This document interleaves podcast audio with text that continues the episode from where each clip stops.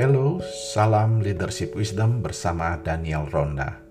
Dalam seri khotbah yang berkuasa, saya melanjutkan uh, topik yang juga masih dalam uh, pendahuluan atau masih menjadi dasar-dasar kita uh, membuat atau memiliki suatu khotbah yang berkuasa. Saya belum sampai kepada teknisnya tunggu saja podcast selanjutnya bagaimana teknis menyusun khotbah yang berkuasa.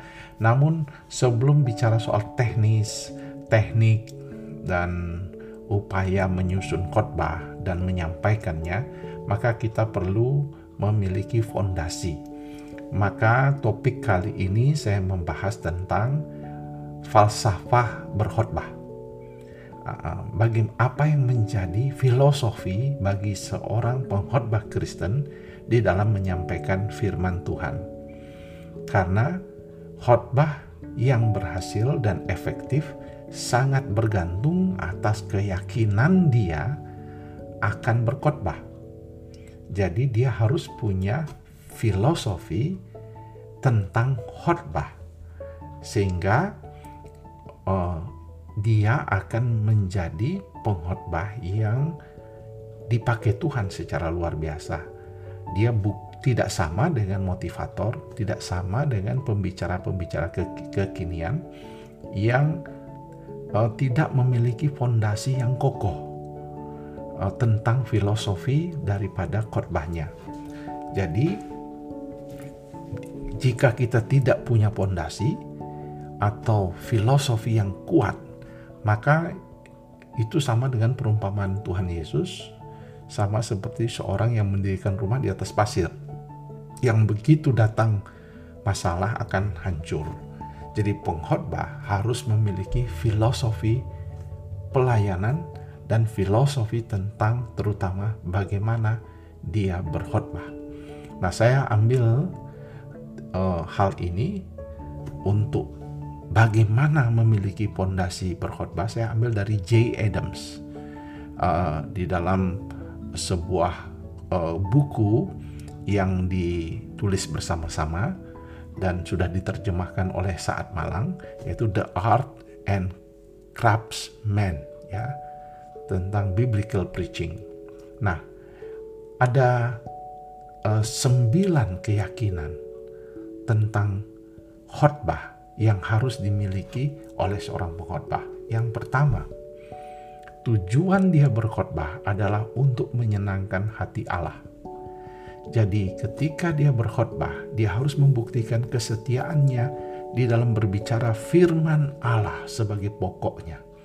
Dia harus setia kepada firman dan bukan kepada ide-ide, teori-teori manusia tentang suatu hal. Jadi, dia menyenangkan hati Tuhan dengan komitmen kepada Alkitab yang dipelajari dan itu yang disajikan yang di mimbar. Itu filosofi yang pertama. Yang kedua, khotbah yang benar dan menyenangkan Tuhan adalah yang sesuai dengan firman Tuhan. Jadi, ketika kita memulai khotbah, haruslah dimulai dari pembacaan Alkitab, pembacaan firman Tuhan, karena firman inilah yang menjadi sentral semua percakapan di dalam khotbah harus berasal dari firman, pemilihan judul, pendahuluan, cerita, garis besar, argumen-argumen yang dibangun, ilustrasi, statistik-statistik yang ditampilkan, berita-berita yang dikutip, humor yang dipakai, atau retorika yang digunakan, semuanya merupakan refleksi yang muncul dari pembacaan dan perenungan akan firman Tuhan. Itu filosofi yang kedua. Filosofi yang ketiga, pengkhotbah yakin bahwa Alkitab adalah firman Allah dan tanpa kesalahan di dalamnya. 2 Timotius 3 ayat 16. Jadi dia harus memiliki keyakinan Alkitab itu firman Allah yang tertulis. Jadi Alkitab adalah sumber pengajaran untuk diproklamasikan kepada pendengarnya. Jadi tidak boleh dia tidak percaya Alkitab. Bukan firman Tuhan, dia harus mempercayai dengan sepenuh hati Alkitab adalah firman Allah. filosofi yang keempat adalah khotbah adalah tugas yang suci. Jadi kita sebagai pengkhotbah harus berkeyakinan bahwa menyampaikan firman Tuhan adalah mandat suci, yaitu meminta pendengar untuk berubah. Jadi inilah tugas mulia dari uh, khotbah itu. Jadi itu sebabnya ketika kita membaca teks, kita harus menghormati teks, bukan hanya untuk dibaca, tetapi teks itu dijadikan sesuatu yang betul-betul digumuli, betul-betul disiapkan karena tujuan semuanya itu disiapkan dengan baik supaya orang yang mendengar mengalami perubahan. Jadi dia harus mempersiapkan sebaik-baiknya. Tidak boleh menjiplak, tidak boleh hanya sekedar ambil, uh, sekadar persiapan, tidak ada persiapan atau hanya asal-asalan dan seterusnya. Dia menjadikan bagian firman Tuhan itu sentral, itu bagian yang sangat sakral dalam persiapan dia sebagai hamba Tuhan. Yang kelima, firman Tuhan bukan hanya ditujukan kepada pembaca mula-mula, tetapi orang percaya juga saat ini di abad ke-21 ini jadi banyak pengkhotbah dalam penyajiannya asik menceritakan kadang-kadang cerita Alkitab tempo dulu. Uh, menggali bahasanya, sum apa uh, bahasa aslinya dan semuanya. Tetapi dia tidak menemukan makna amanat teks itu untuk masa kini. Jadi kita harus ingat bahwa firman Tuhan itu bukan hanya untuk masa lalu, tapi juga untuk jemaat masa kini. Jadi dia harus juga mencari amanat teks itu lalu menjadi amanat khotbah. Apa yang relevan dalam berita saat ini? Yang keenam, maksud teks asli jemaat kepada jemaat mula-mula haruslah menjadi pengontrol berita khotbah kita. Jadi jangan uh, kita memasukkan nilai atau memasukkan makna di dalam teks itu. Jadi semua khotbah harus tunduk kepada apa maksud firman Tuhan. Jadi bukan agendanya sendiri. Jadi dia apalagi di mimbar dia hanya menceritakan pergumulannya, masalah pribadinya. Teks itu hanya sekedar dibaca, tidak digali. Jadi Alkitab teks yang dibaca, dia menjadi penjaga bagi khotbah agar jangan kita menggunakan teks itu hanya memperalatnya. Yang ketujuh adalah subjek dari setiap khotbah adalah Allah dan manusia. Jadi pengkhotbah tidak sedang mengkhotbahkan tentang Alkitab tetapi relasi Allah dan manusia.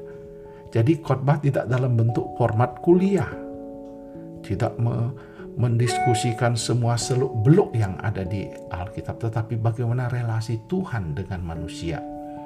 Kemudian yang kedelapan adalah kejelasan menjadi hal yang sangat utama, penting di dalam berkhotbah.